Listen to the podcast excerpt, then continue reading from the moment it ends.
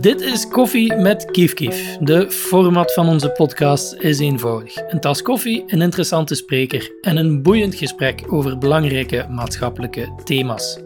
In deze aflevering leggen we onze hedendaagse democratie onder de microscoop, want die staat op veel plaatsen heel erg onder druk. Wanneer je zoiets zegt, dan denken veel mensen spontaan aan autoritaire regimes die in verschillende landen steeds meer macht naar zich toetrekken. Maar die autoritaire regimes komen niet zomaar uit de lucht vallen. Zeker in landen die voorheen wel democratisch waren. Er waren lange tijd verschillende processen aan de gang die ervoor zorgden dat dergelijke regimes aan de macht konden komen. En diezelfde processen spelen ook bij ons. Want volgens sommige onderzoekers is een groot deel van het probleem te wijten aan het feit dat democratie niet langer een debat is van reële politieke ideologieën, maar dat het een theater wordt, een show en een spektakel. Bij mij zit deze keer iemand die daar een pamflet over schreef dat onlangs bij EPO werd uitgegeven. Ik ben Thomas de Kruis en ik werk als journalist voor dewereldmorgen.be. Thomas, het boekje dat je uitbracht heet heel eenvoudig Spektakeldemocratie. Zo'n woord is natuurlijk krachtig, Zelfs al heb je er niks over gelezen, toch lijkt het meteen een heel aantal fenomenen te vatten die mensen inderdaad als problematisch ervaren. Maar het gevaar van zo'n woord is misschien wel dat het te vaag kan worden en dat iedereen er zijn eigen frustraties gaat onderplaatsen. Dus laat ik gewoon beginnen met de eerste evidente vraag. Wat versta je precies onder spektakeldemocratie? Het woord spektakeldemocratie is natuurlijk een, knipoog naar het werk van Guy Debord, die uh, in 1967 het boek uh, De Spektakelmaatschappij uh, publiceerde. Dat is een beetje een, een cultboek dat ook een belangrijke impact had op mei 68 in Frankrijk. Um, en eigenlijk een van de basisstellingen van de bar is dat er een soort scheiding optreedt tussen het reële leven, kan je zeggen, een onmiddellijk ervaren werkelijkheid, en een werkelijkheid die voortdurend gerepresenteerd wordt aan de hand van, van beelden. Uh, dat er een soort vervreemding opduikt. En eigenlijk heb ik die zeer algemene stelling, die de Boer op zijn beurt ontleent aan, de jonge Marx en zo, heb ik die doorgetrokken naar, naar onze democratie, of heb ik die als een soort handleiding gebruikt om onze de, hedendaagse democratie te gaan bestuderen. En mijn stelling is eigenlijk redelijk eenvoudig, die, of de basisstelling waaruit ik vertrek is de volgende, namelijk dat er eigenlijk een soort connectie tussen de mensen, het volk, wij allemaal, en de politiek, ook in heel algemene zin, dat die eigenlijk is doorgeknipt geworden. Dat er eigenlijk, dat er eigenlijk twee aparte circuits zijn en de enige connectie die wij nog hebben met die politiek is een gemediatiseerde connectie. Dus is een connectie via kranten, televisie, eh, maar vooral ook via digitale media, Facebook, Twitter, etc. Dus je krijgt een, een volledig um, gemediatiseerd politiek spel, debat, dat ook een zelfreferentieel is. In de zin van dat veel debatten ontstaan in die media, uh, op die mediaplatformen, en daar ook eindigen. En eigenlijk heel weinig connectie hebben met het dagelijkse leven van mensen. Uw boekje is een beetje een pamflet eerder over dat soort fenomenen dat je net beschrijft. En ga geen heel specifieke, concrete voorbeelden ontrafelen, maar laat ons misschien ons best doen nu. En kunt je hetgeen dat je net gezegd hebt ook concreet toepassen op iets uit de laatste weken of maanden dat in de... Goh, een, een van de voorbeelden die me nu te binnen schiet, dat zijn de relletjes omtrent kerstmarkten. Dus kerstmarkten die wintermarkten worden genoemd.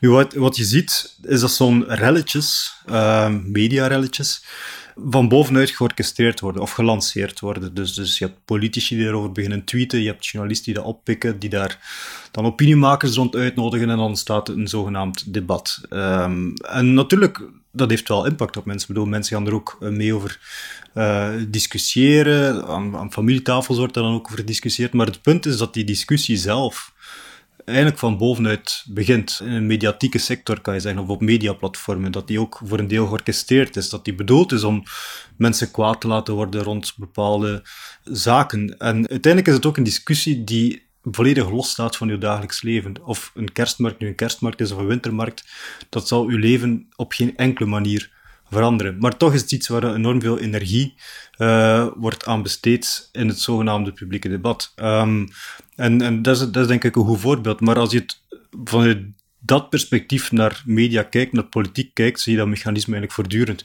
terugkomen. Ik denk dat ongeveer 90% van alles waarmee opiniepagina's gevuld worden, een belangrijke mate georchestreerde debatten zijn. Ja, eigenlijk als een soort entertainment. Bedoel, het is niet dat mensen daar niet mee bezig zijn of zo, maar je wordt op dezelfde manier bezig gehouden als, als op de manier waarop je naar een film kijkt. Of een film lokt ook bepaalde emoties bij je uit. Ben er ook mee bezig, maar het is een heel passieve vorm van interactie. Het is een scherm of een verhaal dat getoond wordt op een scherm dat bepaalde emoties bij jou losmaakt, waarmee je bezig bent, maar uiteindelijk word je gewoon geëntertained bij een soort passieve toeschouwer, consument. En hetzelfde kan je eigenlijk, of op dezelfde manier werkt ons maatschappelijk debat vandaag ook. Dat is een vorm van entertainment geworden, um, een, soort iets geworden waarmee vooral emoties worden losgeweekt, sensaties worden losgeweekt. En dat dient ook om een publiek te laten betalen en een publiek te entertainen ook. En dat staat eigenlijk mijlenver van um, een soort ideaal typische opvatting over wat een publiek debat zou moeten zijn. Dat alles doet mij ook wel denken aan een filmpje dat ik uh, een paar maanden geleden gemaakt heb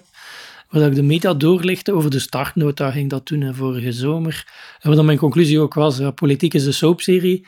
Het gaat veel meer over wie gaat er samen met wie. En dan bedoel ik niet relationeel, maar partijen. Welke partijen gaan in bed met welke andere partijen. En de volgende dag heb je daar weer iets over te zeggen. Maar het gaat niet meer over ideologische beslissingen die al dan niet genomen worden rond heel specifieke, heel belangrijke onderwerpen zoals armoede. Dat procentueel bijna niet aan bod kwam in dat debat. Zijn dat soort dingen waarover dat het hebt.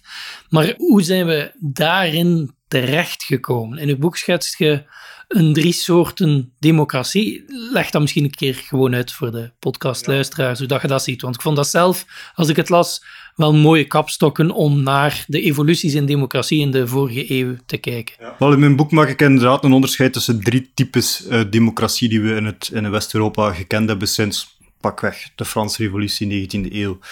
Het eerste type dat ik onderscheid is, is wat ik noem de bourgeois-democratie. Dat is de, de, democratische vorm die we kenden in, doorheen het grootste deel van de 19e eeuw en ook zelf begin van de 20e eeuw. Uh, de bourgeois-democratie kenmerkt zich, of is een vorm van democratie die zich kenmerkt door het feit dat eigenlijk de mensen die kunnen participeren aan die democratie, dat dat een heel beperkte groep is. Uh, witte, welgestelde mannen. We zien dat in België heel duidelijk dat bijvoorbeeld het stemrecht uh, voor niet-vermogenden, voor, voor vrouwen, heel lang uitgesteld wordt. Dus um, democratie slaat op een kleine groep van mensen die mogen stemmen, die zich verkiesbaar kunnen stellen, die ook uh, mogen meediscussiëren over waar het naar de maatschappij heen moet. En wat je ziet doorheen de 19e eeuw is dat daar natuurlijk vanuit allerlei hoeken protest tegen ontstaat. Um, dat eigenlijk steeds meer groepen een plaats op, opeisen in die democratie. En je ziet dan ook doorheen de 20e eeuw dat eigenlijk die democratie steeds meer verbreed wordt. Dus dat er iets ontstaat als een algemeen enkelvoudig stemrecht. Dus iedere burger één stem, niet op basis van vermogen of bezit of betaalde belastingen, maar gewoon omwille van het feit dat je burger bent, krijg je een stem. Uh, vrouwen krijgen ook stemrecht. Um, dus in die zin wordt die democratie uitgebreid. En dat is wat ik noem de massademocratie. Dus is doorheen het grootste deel van de 20e eeuw zit je met een massademocratie. Die kenmerkt zich door het feit dat je ook grote partijen hebt, dus echte volkspartijen, uh, sterke vakbonden. Um, eigenlijk wat je in België en Nederland de verzuiling noemt. Hè. Dus die sterke zuilen die eigenlijk heel het maatschappelijke leven gaan verdelen, maar ook gaan organiseren. Nu, een voordeel van die massademocratie was, je had daar ook, allez, dat er ook allerlei defecten aan, maar een van de voordelen was dat je wel volgens mij een soort representatieve logica had die van onderuit naar bovenuit naar boven toe werkte. Dus er werden signalen van onderuit opgepikt en die werden vertaald naar een uh, beleidsniveau, kan je zeggen, door organen als vakbonden, etc. Nu, die, die, die massademocratie, dat heeft vanaf de jaren 60, 70 zien we dat vervagen of zien we dat dat desintegreert. Uh, dat heeft vele oorzaken. Een van de oorzaken zijn natuurlijk wat men noemt mei 68, wat dat de verzamelnaam is voor een hele reeks van uh, revoltes, sociale bewegingen in de jaren 60, 70, die zich in eigenlijk in belangrijke mate ook keerden tegen de ja, zekere starheid, het conformisme dat samenging met die massademocratie, ook met die verzuilde samenleving in onze contraien. En wat je ziet is dat die massademocratie dus desintegreert. En in de plaats daarvan komt volgens mij dan een, een soort spektakeldemocratie. Dus een van de tragische dingen aan die revoltes van de jaren 60, 70 is dat die wel heel veel doorheen geschud hebben. Dat die ook in zekere mate ook echt een bedreiging waren voor de heersende orde toen. Ik bedoel, er was een soort anarchie in de scholen, in de fabrieken, aan de universiteiten. Er was een mate van controleverlies. En wat je krijgt in de plaats is eigenlijk geen verdieping van de democratie. Of is eigenlijk geen duidelijke overwinning. Maar eigenlijk krijg je een soort offensief dat eigenlijk de democratie ja, herlokaliseert, of de beslissingsmacht herlokaliseert. wat ik daarmee bedoel is, dat wat je voor het heel duidelijk ziet in de economische sfeer, is dat in de jaren 70 dat bedrijven van grote centrale werkplaatsen vervellen tot een soort genetwerkte, geglobaliseerde productiecentra, waarbij het veel moeilijker is voor arbeiders om te gaan ageren, om zichzelf te gaan organiseren bijvoorbeeld. En dat markeert eigenlijk volgens mij ook de overgang naar een, naar een soort spektakeldemocratie. Dus wat je ziet vanaf de jaren 70, 80 is eigenlijk een democratie die voorheen nationaal georganiseerd was, die nu in een meer geglobaliseerde context uh, moet gaan werken, waarbij beslissingscentra ook uh, verschuiven. Het is niet meer zozeer het parlement waarin dat belangrijke zaken beslist worden, maar bijvoorbeeld dat gebeurt voortaan op een Europees niveau. Of, of, of je hebt geen nationaal georganiseerde economie meer, maar een meer geglobaliseerde economie. Waardoor uiteindelijk die democratie, of die, die greep van nationale democratie, steeds zwakker wordt. En dat is een fenomeen dat we natuurlijk vandaag zeker kennen. Hè. Bedoel, kijk naar de zogenaamde financiële markten, die, die heel agressief soms kunnen tussenkomen wanneer een regering aan de macht komt die hun niet zint, of die bepaalde hedge funds en zo niet zint. Um, maar wat je ziet is dat er eigenlijk dat die nationale democratieën machtelozer worden. En tegelijkertijd zie je dat ook um, ja, die band die in een verzuilde samenleving ontstond tussen, bestond tussen bijvoorbeeld een partijleiding en een basis, dat die steeds meer doorknipt raakt en vervangen wordt door een gemediatiseerde band. En op dat moment wordt een politicus eigenlijk niet meer een soort iemand die een bepaalde achtergoede per se representeert, maar iemand uh, wordt het meer een soort performer die een bepaald publiek moet zien mee te krijgen. En je ziet die verschuiving, denk ik, heel duidelijk. Vergelijk gewoon het ideaaltype politicus in de jaren 60 en vergelijk dat met de politicus die nu dominant is. Uh, je ziet een soort evolutie van uh, de staatsman. Het was helaas bijna altijd een man, een witte man. Um, zie je een evolutie naar een soort ja, nar of troll. Doe, kijk naar iemand als Trump. Het beleid van Trump is in belangrijke mate gebaseerd eigenlijk op, op trollen en op zijn mediapresence, uh, op provocatie. Uh, en op die manier entertaint hij ook eigenlijk voortdurend een publiek. Dus dat is de introductie van die spektakeldemocratie. Maar het, dat heeft ook te maken met het feit dat de democratie zelf heel machteloos is geworden, of dat de politiek zelf ook heel machteloos is geworden. En daardoor eigenlijk zijn heel moet zoeken in het voortdurend mediatiseren van zichzelf, in het voortdurend oppoken van mediatieke relletjes, uh, conflicten, etc. En om die verwevenheid aan te geven, heb je het in je boekje vaak over een vergelijking, van dat wel goed gevonden, tussen het militair-industrieel complex, hè, waar in de jaren 70 redelijk ferm tegen geageerd werd, of in de jaren 60 en 70, Vietnamoorlog enzovoort. Um, en je benoemt het mediapolitiek complex. Hoe, hoe ziet je dat precies? Hoe zit dat in elkaar dan, die politiek en die media? Want je beschrijft hoe dat politiek een mediatiek iets wordt. En je gaat op zoek naar het publiek, niet meer een achterban voor wie dat je spreekt, maar probeert in de media zo goed mogelijk over te komen, om dan daar je publiek te vinden via die media. Maar hoe gaat dat precies? Want er is geen reden waarom dat die media dat per se zou doen, dat platform geven aan basically holle politici die geen achterban hebben. Toch doen ze dat. Dus hoe zie je dat precies, ook vanuit je eigen ervaring? Als je... er, is, er is gewoon een zeker um, wederzijdse afhankelijkheid, de wederzijds belang tussen media en politiek. In de zin van dat politici media nodig hebben om hun publiek op te bouwen. Ik bedoel, als je vandaag als politicus wil scoren of gewoon naam wil maken of professioneel politicus worden, dan heb je media nodig. Het zijn klassieke media, het zijn sociale media, maar je hebt die media nodig. Dat is eigenlijk de enige manier waarop je kunt een connectie maken met een publiek vandaag. Um, dat gaat niet meer via traditionele organen als vakbonden of, of verzuilde instellingen. Nee, je hebt die media nodig vandaag. Maar tegelijk leeft media ook van politiek. Uh, in de zin van dat een, een politicus die voortdurend straffe quotes lanceert, die voortdurend debatten genereert, die sterke sensaties oproept, is een interessant mediaproduct. Je zag dat heel duidelijk, het is nu iets minder geworden, maar bij iemand als De Wever. Als De Wever een opiniestuk schreef, dan waren de opiniepagina's voor een week lang gevuld. Dan draaiden de sociale netwerken, zeker Twitter en zo. De reden waarom dat iemand als de Wever ook succesvol uh, is en, en was, uh, was ook omdat hij een bijzonder interessant mediaproduct was. Dus, dus dat is eigenlijk het voorbeeld van dat mediapolitiek complex. Dus, dus media en politiek zijn volledig met elkaar verweven, hebben elkaar, elkaar ook nodig. En, de Wever is ook als deelnemer aan de slimste mens beginnen groot worden. Absoluut, ja. En dus via media kunnen uh, politici populariteit opbouwen en, en media verdienen ook geld aan politici. En om dat, laat, dat laatste is zeker het geval ook met sociale media. Als je kijkt nog maar gewoon dan heel specifiek naar voor het, het, geld dat vandaag besteed wordt aan advertenties op Facebook, dan dat is een heel goed voorbeeld van dat mediapolitiek complex. Dus Facebook wordt heel rijk door het feit dat er verkiezingen georganiseerd worden, doordat politici gewoon rechtstreeks geld storten op de rekening van Zuckerberg, in ruil voor wat uh, visibiliteit ten aanzien van bepaalde getargete uh, publieken. Hoe zit dat volgens u bij de media? Want dat er rechtstreeks advertenties op Facebook betaald worden, ik denk dat iedereen dat wel weet, maar bij de media is dat wat minder gekend. Nu, mensen die mijn podcasts volgen, die weten dat ik nogal een Noam Chomsky fan ben op dat vlak, maar is dat ook de lijn die jij volgt, of kijkt er daar wat anders naar? naar want de meeste mensen hebben ook niet door wat dat het verdienmodel van media is. Dus misschien moet uw visie daar een keer op uitleggen. Um, dat is iets waar ik zelf minder op inga. Dus ik heb me ook redelijk vergehouden van Chomsky, gewoon om, om te vermijden dat ik te veel beïnvloed werd ook door zijn denken.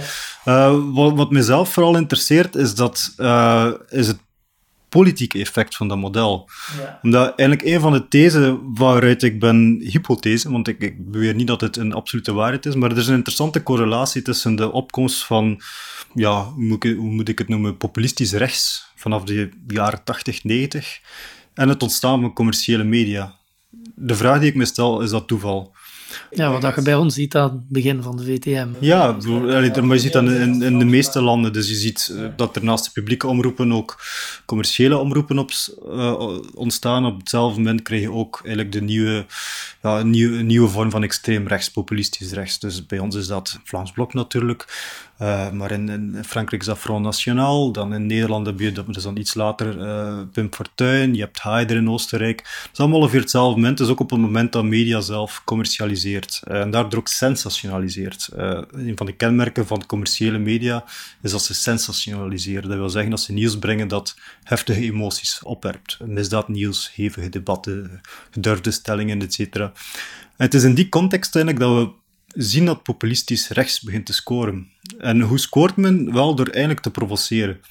Door het handelsmerk van het Vlaams Blok was provocatie. En eigenlijk moesten ze daar niet veel voor doen. Het louter feit dat ze bestonden was al een provocatie. En men heeft dat ook heel dankbaar gebruikt, het Vlaams Blok dan. Bedoel, het Vlaams Blok is natuurlijk een door en door racistische partij. Maar ik denk ook dat ze heel bewust racisme tot op vandaag gebruiken als provocatie. Dus ze zijn gemeend racistisch, maar ze gebruiken racisme ook als een constante provocatie, omdat men weet dat het hevige sensaties op, uh, oplevert en dat eigenlijk racisme pervers genoeg een interessant mediaproduct is. Het verkoopt goed, ook omdat het voortdurend bekritiseerd wordt, uh, is het een interessant mediaproduct. Bedoel, Twitter draait in belangrijke mate door het lanceren van racisme en doordat tegenstanders dat racisme voortdurend bekritiseren. Daardoor blijft de molen ook draaien. En dat is een voorbeeld van dat mediapolitiek complex ook. Wat dat, voor alle duidelijkheid, dus een, ook een heel pervers complex is, dat ook heel perverse effecten heeft. En in die zin, wat ik zelf ook interessant vond in je boekje, schrijft je hoe dat provocatie ook is verschoven van iets wat minderheden normaal gebruiken om hun rechten op te eisen, naar een soort van de meerderheid die het gebruikt om de eigen macht te legitimeren en te verergeren in het afnemen van rechten van minderheden. Maar misschien moet je daar even op ingaan hoe dat je dat precies ziet. Wel ja, je ziet zo gewoon een interessante verschuiving als je bijvoorbeeld jaar 50, 60 ten opzichte van nu, zie je inderdaad dat provocatie um, lange tijd het, het, wapen is geweest van, van minderheden, van groepen die wilden gehoord worden van subculturen ook. Door eigenlijk heel de popcultuur is, zeker van de jaren 60, 70, is een grote provocatie.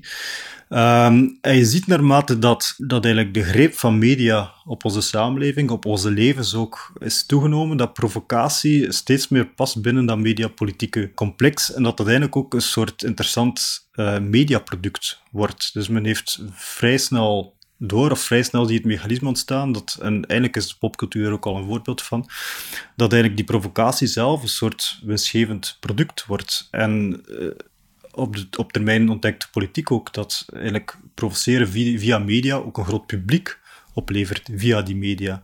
En dus op die manier dat eigenlijk die provocatie verschoven is van, van eigenlijk een wapen van, van minderheden, van underdogs, naar eigenlijk een, een, ja, een wapen van het establishment. Bedoel, provocatie is ook iets dat perfect aandacht afleidt. Eén provoceerde tweet van Trump en, heel de wereld is er bijna over bezig. Dus, dus in die zin is het, is het een wapen vandaag van de macht. En heeft te maken met het feit dat politiek zelf volledig gemediatiseerd is en dat eigenlijk heel ons, ja, ons leven ook gemediatiseerd is. Dat eigenlijk alles wat we vernemen van die politiek uh, verloopt via commerciële mediaplatformen, die er op hun beurt ook op uit zijn om je zo lang mogelijk op die platformen actief te laten zijn en je zoveel mogelijk te laten klikken en zoveel mogelijk data te gaan genereren. Dus, dus opnieuw ja, een soort pervers mechanisme dat je daar krijgt. En dat ook, en nogmaals, dat is een van de belangrijke punten, dat het ook heel belangrijke politieke effecten heeft. Dus een van mijn thesen is dat in, als je in dat type democratie terechtkomt, um, de spektakeldemocratie dus, dat dat eigenlijk een terrein creëert waarop dat populistisch rechts heel makkelijk kan scoren. En je ziet dat populistisch rechts of extreem rechts, of Trumpisme zoals ik het vooral noem, dat die eh, op die manier voortdurend ook uh, effectief scoren. Hè. Ik bedoel, kijk gewoon naar de Twitter-feed van Theo Franken of van Thierry Baudet. Het, is exact dat wat men doet, voortdurend provoceren, nieuwe relletjes creëren, aandacht genereren. Op die manier een publiek van zowel voor- als tegenstanders aanspreken. En op die manier ook toegang krijgen tot de meer mainstream media, televisiestudio's, radiostudio's. En op die manier ook een, een boodschap kunnen verkondigen. Dus dat is het mechanisme dat speelt. En het probleem is dat als je op die manier politiek voert, door middel van opwerpen van sensaties, dat het heel moeilijk is om daar tegenin te gaan. Ik denk ook um, dat, dat rechts op dat vlak een objectief voordeel heeft ten aanzien van, van links. Voordat ik daarop inga van hoe dat we dat dan kunnen aanpakken, hoe dat we daar al dan niet kunnen uitstappen, um, moet ik nog even denken aan die zin van een van de hoofdredacteuren of een van de hoofdbazen van een belangrijk Amerikaans medium, maar uh, het ontglipt mij welke dat was, of dat nu MSNBC of CBC was. Maar een van die figuren die gezegd heeft uh, dat Trump uh, is een ramp voor het land, maar is fantastisch voor mijn zender, want dat brengt bijzonder veel op. Daarover gaat een beetje doorhebben als media van dit, dit is desastreus voor de politiek en voor de democratie aan zich, maar ik word er rijk van. En ik, denk, ja, en ik denk in die zin, dat is ook interessant, dat Trump zelf een soort retroactieve waarheid openbaart over veel van zijn, zijn voorgangers. Trump is door en door een mediaproduct. Is dat ook altijd geweest? Ik bedoel, Trump wordt meestal voorgesteld als iemand die uit de zakenwereld komt en die dan... Het is natuurlijk een zakenman, maar het is vanaf dag één ook een mediafiguur geweest. Iemand die zichzelf heel goed wist te verkopen, die op het juiste moment wist te provoceren en, en, en zo in de picture kwam. En dat is hij altijd geweest. En, en dat zijn de meeste van die figuren. Dat zijn door en door mediafiguren, mediaproducten. Ja, en politici als product, daarover schrijft je dan in uw boek, dat de democratie voortaan een gevoel moet creëren dat er iets kan veranderen. En daarom personages voortbrengt die verandering moeten incarneren, terwijl dat spektakel zich voor de rest voortdurend voedt op frustratie en woede, omdat er in realiteit nooit echt iets verandert, aangezien die politieke figuren veelal marionetten zijn van grotere bedrijfsstructuren en transnationale bureaucratie. Um, en je verzet u dan ook expliciet tegen mobilisaties achter specifieke figuren. En daar wil ik dan een beetje naartoe gaan, want als we het dan hebben over u raken weer nu uit. Dus aan de ene kant heb je die politici die inderdaad de hele tijd het gevoel creëren en een publiek bespelen van ik ben de grote man die iets gaat doen voor u. Uiteindelijk gebeurt er niks, want zoveel hebben ze toch niet te zeggen. Het is alleen maar dat theaterspel. Het is dat, alsof we allemaal collectief in één groot spiegelpaleis rondlopen en niet meer doorhebben waar de wereld echt van wakker ligt.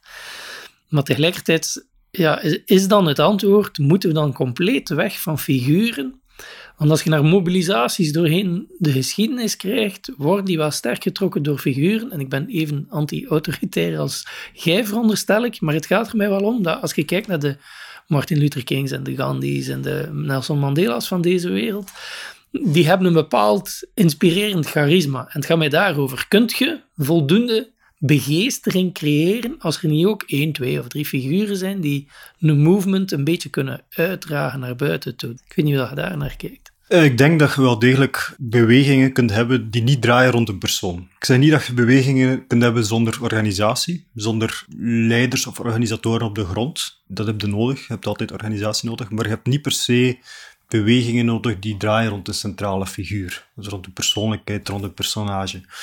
Je hebt er vele voorbeelden van. Ik denk veel van de opstanden van het voorbije decennium. Of je nu kijkt naar, naar de hele cyclus van de Arabische lente, uh, Occupy, tot en met de Gilets jaunes en zo, de protesten in Hongkong. Uh, zie je dat er eigenlijk geen leiders opstaan. Er zijn wel hier en daar centrale figuren soms, maar die zich uitdrukkelijk ook niet profileren als leider of, of als, als spokesperson van um, de protesten. Dus ja, ik denk dat je zeker vandaag ook um, protesten of bewegingen kunt hebben zonder leiders. Maar een gemakkelijke tegenwerping van veel mensen zou natuurlijk zijn, maar die hebben ook niet veel opgeleverd. Um, maar, maar ja, dat is een heel klassiek antwoord dat je krijgt. Wat levert het op? De vraag, ik, kan de vraag ook terugstellen, wat hebben verkiezingen de laatste 30 jaar opgeleverd? Dus in die zin um, zoeken we allemaal naar sleutels hoe je, omtrent hoe je dingen kan veranderen. Wel, dat brengt mij tot de verkiezingen en zo. En Bernie Sanders dan, hoe, hoe ziet je die figuur? Want denk in Amerika de verkiezingen winnen zonder een beetje mee te doen aan spektakeldemocratie. Quasi onmogelijk. Aan de andere kant denk ik dat van alle figuren in de wereld die politiek serieus doorbraak maken, dat hij degene is die het meest sterk op zijn punt blijft staan, zonder met de wind te draaien, omdat een leger spindokters zegt dat de beeldvorming dit of dat wilt. En mobiliseert ook werkelijk van onderuit. Zeker als je dan een keer mensen like EOC enzovoort en de bredere wat ze dan de insurgency noemen in de Democratische Partij. Voilà, om het heel concreet te maken, zo'n figuur, ziet je dat als iets dat in uw lijn ligt? Of juist... Ik ben, ik, ik, ben, ik ben blij dat je Bernie Sanders opwerpt, omdat het is een figuur waar ik, die ik in die zin heel interessant vind, omdat hij eigenlijk een beetje op beide sporen werkt. Dus enerzijds is Bernie Sanders ook een mediaproduct. We moeten daar niet flauw over doen. Uh, er zit een, een, professioneel team achter. Uh, dat is een mediaproduct, iemand die aanslaat. En natuurlijk, je moet dat ook doen, inderdaad, als je verkiezingen wil winnen. Is, dat is zonneklaar. Dus hij kan ook niet anders dan te doen. Tegelijk beroept hij zich op wat hij noemt... Uh, een movement, dus een beweging uh, van onderuit. Dat vind ik interessant. En ik beschouw Bernie Sanders als een experiment um, op dat vlak. En ik, ik wacht af of er een van die twee tendensen de bovenhand zal nemen, en zo, zo ja, welke. Dus eh, in die zin kan ik Bernie Sanders nog niet beoordelen. Ik, ik volg dat van heel nabij, ik vind dat waanzinnig interessant. En het is ook een, een, een manier, en ik denk ook dat dat wel een oprechte poging is, om inderdaad voor een deel te kunnen breken met die spektakeldemocratie. Dus ik denk dat, dat Sanders en de zijnen dat uh, oprecht proberen, ook inzien dat uh, ja, politiek te gemediatiseerd is geworden, dat het te veel draait rond personen die eigenlijk zich heel sterk moeten houden aan, aan, aan mediawetten en zich moeten op zichzelf heruitvinden als een soort mediaproducten. En ik geloof dat Sanders daar effectief mee wil breken. En vandaar ook het belang dat, dat hij hecht aan die beweging. Dat Alleen het deels lukt, maar eh, even voor alle duidelijkheid voor de luisteraars. Wij spreken vandaag op de dag na Super Tuesday. Dus uh, Bernie heeft niet zoveel gewonnen als dat veel mensen dachten dat hij ging winnen. Biden blijkt er in één keer door te schieten. Als er iemand een mediaproduct is, dan is het wel Biden. Ik bedoel, gezien zijn rampzalige uh, discours in de zoveel vorige decennia. En, en die man, gewoon omdat hij vicepresident is van Obama is geweest, raakt er in één keer weer door en trekt al die stemmen naar zich toe. Verbazingwekkend. Uh, maar aan de andere kant niet verbazingwekkend, omdat als je naar het mediatiek establishment in, in Amerika kijkt, dan is het wel overduidelijk hoezeer dat ze Sanders demoniseren en aan de andere kant Biden een platform geven, alsof dat, dat de evidente volgende democratische um, kandidaat moet zijn. Een van de zwaktes natuurlijk aan, aan Sanders, of aan heel die movement die rond Sanders hangt, is natuurlijk dat het finaal wel georiënteerd blijft op het winnen van verkiezingen. Mijn vraag is, of mijn vrees is van, wat gebeurt er met die beweging die achter hem zit als hij de verkiezingen verliest? En dus dat vind ik dan weer een zwakte aan, aan een campagne als die van Sanders, dat het uiteindelijk wel, ook al zegt men van niet, dat het uiteindelijk wel draait om verkiezingen en dat mensen wel gemobiliseerd worden in een electorale campagne uiteindelijk. Nu op zich verkiezingen oké, maar, maar het probleem is inderdaad, als je die verkiezingen dan verliest, dan zakt je beweging ook in elkaar. En net dat moet je zien te vermijden. Maar ik wil trouwens nog even terugkeren op die remedie die ik schets in mijn boek. Ik trek inderdaad heel sterk eh, de kaart van, van bewegingen, die eigenlijk buiten parlementaire bewegingen, zoals je het kunt noemen. Maar het idee, of de intuïtie daarachter, is eigenlijk bij mij gekomen door een paar keer in Frankrijk te zijn geweest, uh, bij manifestaties van de Gilets jaunes. En dat, heeft, dat is voor mij in zekere zin ook een revelatie geweest, omdat je daar, wat ik daar gezien heb en gehoord heb, zijn eigenlijk mensen die op straat komen, die anders nooit op straat komen, die beginnen babbelen met elkaar, van heel diverse achtergronden, die daarvoor eigenlijk zelf ook dikwijls niet geïnteresseerd worden in, politiek, maar gewoon de straat opkomen omdat ze het gevoel hebben dat ze niet meer kunnen overleven met hetgeen ze hebben. En het interessante wat, wat je daar zag, waren eigenlijk mensen die eindelijk begonnen converseren met elkaar, die anders nooit converseren met elkaar. Dus ik liep daarmee in betogingen waarbij mensen die Le Pen steunde, zij aan zij wandelden, wandelden met collectieven voor sans papiers. En broederlijk dezelfde liederen zingen, zongen en het ook eigenlijk met elkaar eens waren of elkaar vonden. En dat toont volgens mij aan dat je een heel ander niveau hebt om met elkaar om te gaan. Dat je op een heel andere manier kunt aan politiek doen. En als je politiek lostrekt van die heel mediatieke sfeer waaraan het uh, gekoppeld is, dat je ook heel andere vormen van coalities kunt krijgen. Dat je ook opnieuw aansluiting vindt bij verzuchtingen, issues, die echt een impact hebben op het, op het leven van mensen. En ik denk dat dat ja, een les is die we echt vergeten zijn en dat we daar ook dringend opnieuw moeten over nadenken. Veel van de conflicten die vandaag heersen, veel van de tegenstellingen die vandaag heersen, worden vaak gecreëerd op mediaplatformen. En als ze daar niet gecreëerd worden, dan worden er zeker enorm door versterkt. Terwijl dat je ziet als je mensen reëel samenbrengt en laat strijden voor iets en face-to-face met elkaar laat babbelen, zie je dat die verschillen soms er weinig te doen of, of niet zo hard doorwegen. Um, en ik denk dat dat een heel belangrijke les is. Het probleem is dat het politieke en het maatschappelijke debat in het algemeen ook net meer en meer naar die mediaplatformen gezogen wordt. En dat is denk ik, dat heeft volgens mij een heel destructief effect. Je kan dat eigenlijk heel eenvoudig nagaan. Denk gewoon aan de Facebook-discussie. Nog maar het heel toxische element dat alles kan geliked worden op Facebook. Dus als ik iets zeg, dan krijg ik zoveel likes, krijg jij zoveel likes. Dat creëert een heel andere dynamiek dan wanneer wij gewoon op café met elkaar zouden babbelen over een issue. Dan is dat geen competitie. Dat is ook geen product dat we leveren, maar is dat gewoon een gesprek dat als doel het gesprek zelf heeft. En ik denk, ja, het is die logica die volledig wordt weggevagen in een, in een landschap dat volledig uh, gemediatiseerd heeft. En dat heeft volgens mij heel destructieve effecten. Maar het tegendeel daarvan zie ik dus in sociale bewegingen. Daar zie je ook vandaag nog een soort uh, broederlijkheid en samenwerking en, en een soort connectie met realiteit die in de politiek niet meer ziet. En ik vind die Gilets jaunes daar een perfect voorbeeld van. Uh, die mensen hebben het eigenlijk totaal niet over alles waar men het in het, in het mediapolitieke complex, om het zo te zeggen, wel over heeft. En schuiven een heel andere agenda naar voren, eh, schuiven opnieuw politiek naar voren die verbonden is met het dagelijkse leven, wat ik in het boek noem het geleefde leven. Wil dat dan zeggen dat je eigenlijk ook een concreet pleidooi houdt om op te houden met social media en ons veel meer op straat en in achterkamers en overal wat we kunnen te mobiliseren? Nee, nee, nee. nee. Dat, is, dat, is een, dat is een val waar ik niet trap en dat is ook een verwijt dat ik niet wil krijgen. Nee, ik ben niet anti-social media, ik ben zelf niet anti-media, ik ben zelf journalist. Maar ik pleit wel, een van de problemen is dat we de platformen waar we tijd op doorbrengen, zoveel tijd op doorbrengen, zijn in de eerste plaats commerciële platformen. En dus die platformen zijn geïnteresseerd om zoveel mogelijk data van u te verzamelen. En dus die willen dat je zoveel mogelijk tijd op die platformen doorbrengt. Wat betekent dat er allemaal mechanismen zijn ingebouwd die u ook heel veel tijd op die platformen doen doorbrengen. Um, en dat, heeft een impact op, de, op het soort conversaties dat we hebben op die uh, platformen. En, en daar heb ik kritiek op. Dus ik zou eigenlijk zouden alternatieve sociale media moeten hebben. Maar ik weet ook, dat is heel moeilijk om dat concreet te maken. Maar in theorie is dat een interessant idee. En ik denk ook dat we moeten uh, media zien als een middel en niet als een doel op zich. Dus ik heb wel een probleem met de enorme mediatisering van alles. Eigenlijk van alle sociale relaties ook. Dus ik denk dat het inderdaad niet gezond is als wij al onze sociale relaties gaan vormgeven via mediaplatformen. En helaas zijn we natuurlijk wel op weg om dat te doen. Dus veel van onze sociale interacties zijn vandaag ook op een heel persoonlijk en intiem niveau, uh, zijn eigenlijk uh, ja, mediatieke relaties. Ik bedoel, media is bijna ontologisch geworden vandaag. En dat vind ik wel een probleem. Ik, ik denk wel dat media kunnen een heel goed middel zijn om mensen in contact met elkaar te brengen. Uh, kunnen ons ook gigantisch helpen om informatie door te sturen en zo.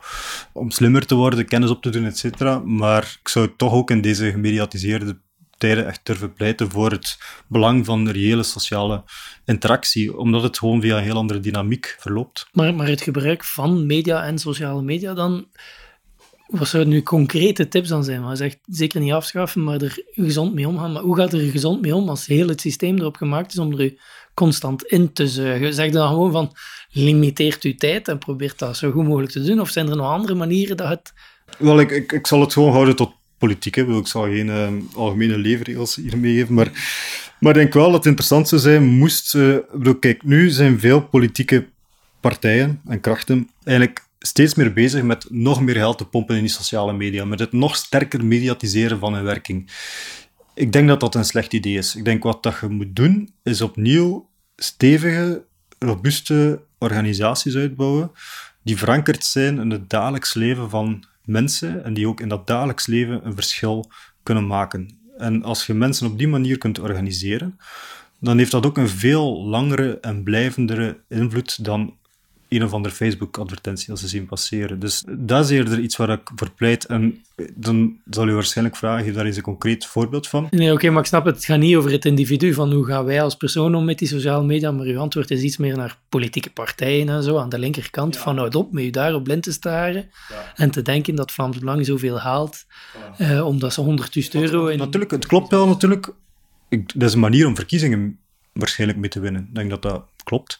Maar dat is het ook. Maar is dat zo? Want eh, neem nu, eh, het is de dag na Super Tuesday en wat we op zijn minst gemerkt hebben, is dan een Bloomberg die een half miljard dollar erin gestoken heeft, nergens geraakt. Mm. Ik persoonlijk geloof niet dat die 100.000 euro of die miljoen of whatever dat was, dat Vlaams Belang aan Facebook heeft gegeven, dat dat de reden is waarom dat die verkiezingen zo in hun voordeel zijn uitgedraaid de vorige keer. Mijn idee daarover is, alle stemmers die van het Vlaams Belang zijn overgegaan naar de N-VA, die zijn gewoon teruggekeerd, want de N-VA is veel te veel een establishmentpartij geworden. En dus die stemmen die ze opgezogen hadden, hebben ze teruggespuwd. Je zou bijna kunnen zeggen, ondanks al dat geld dat het Vlaams Belang erin heeft gestoken, hebben ze alleen gewoon maar de stemmers terug die ze vroeger al hadden. Dus ik geloof ook echt niet werkelijk dat die advertenties er zoveel zijn. Er bestaat discussie over en eigenlijk weten we dan niet wat het concrete effect ervan is. Dus ik weet dat zelf ook niet.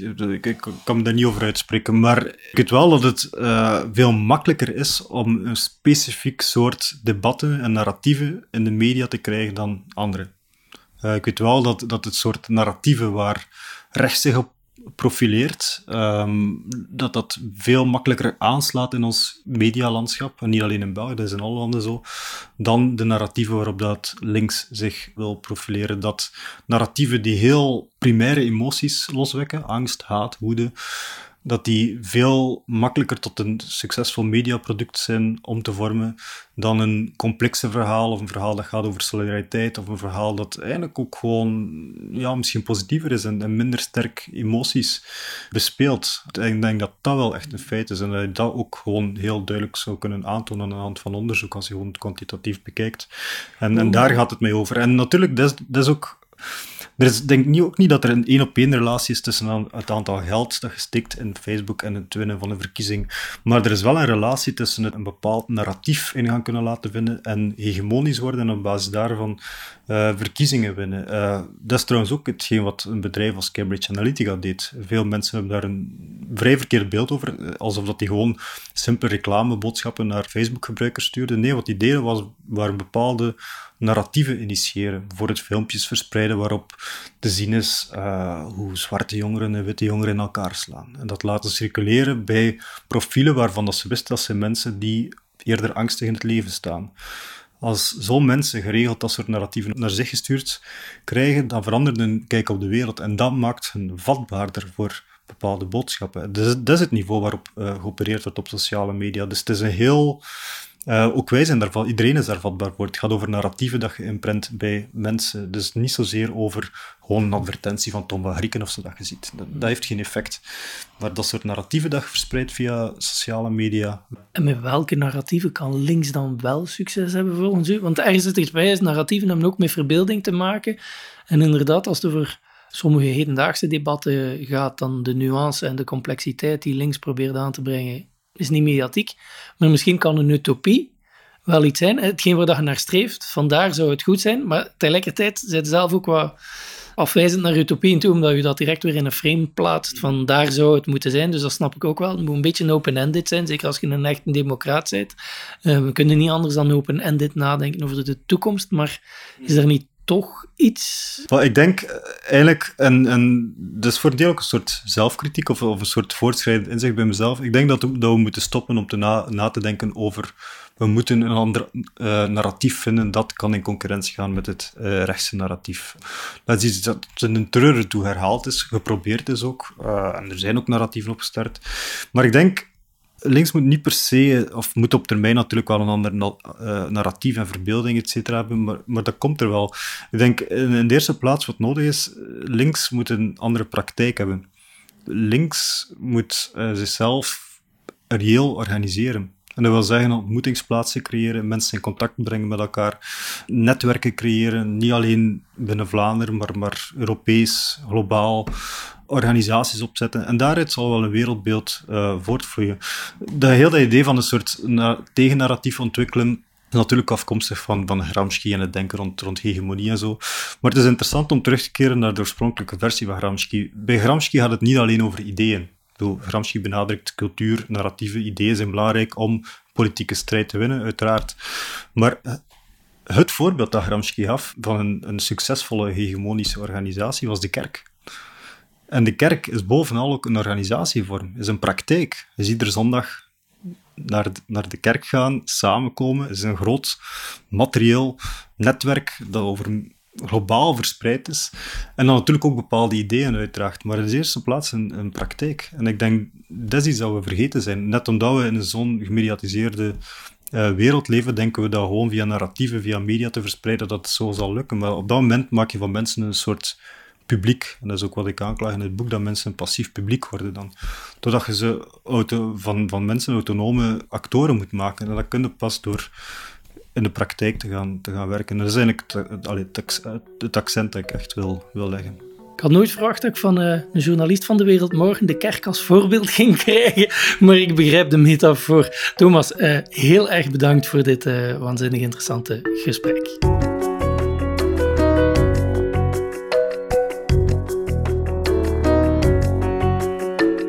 Dit was weer eens Koffie met Kief Kief. Hopelijk was het boeiend genoeg om je aandacht tot hier vast te houden.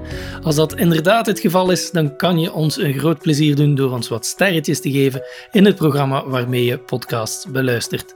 Zo zal Koffie met Kief wat gemakkelijker gevonden worden door mensen die op zoek zijn naar interessante podcasts.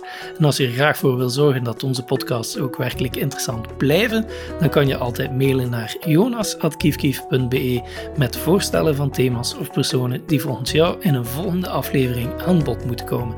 Vrede en alle goeds en tot de volgende.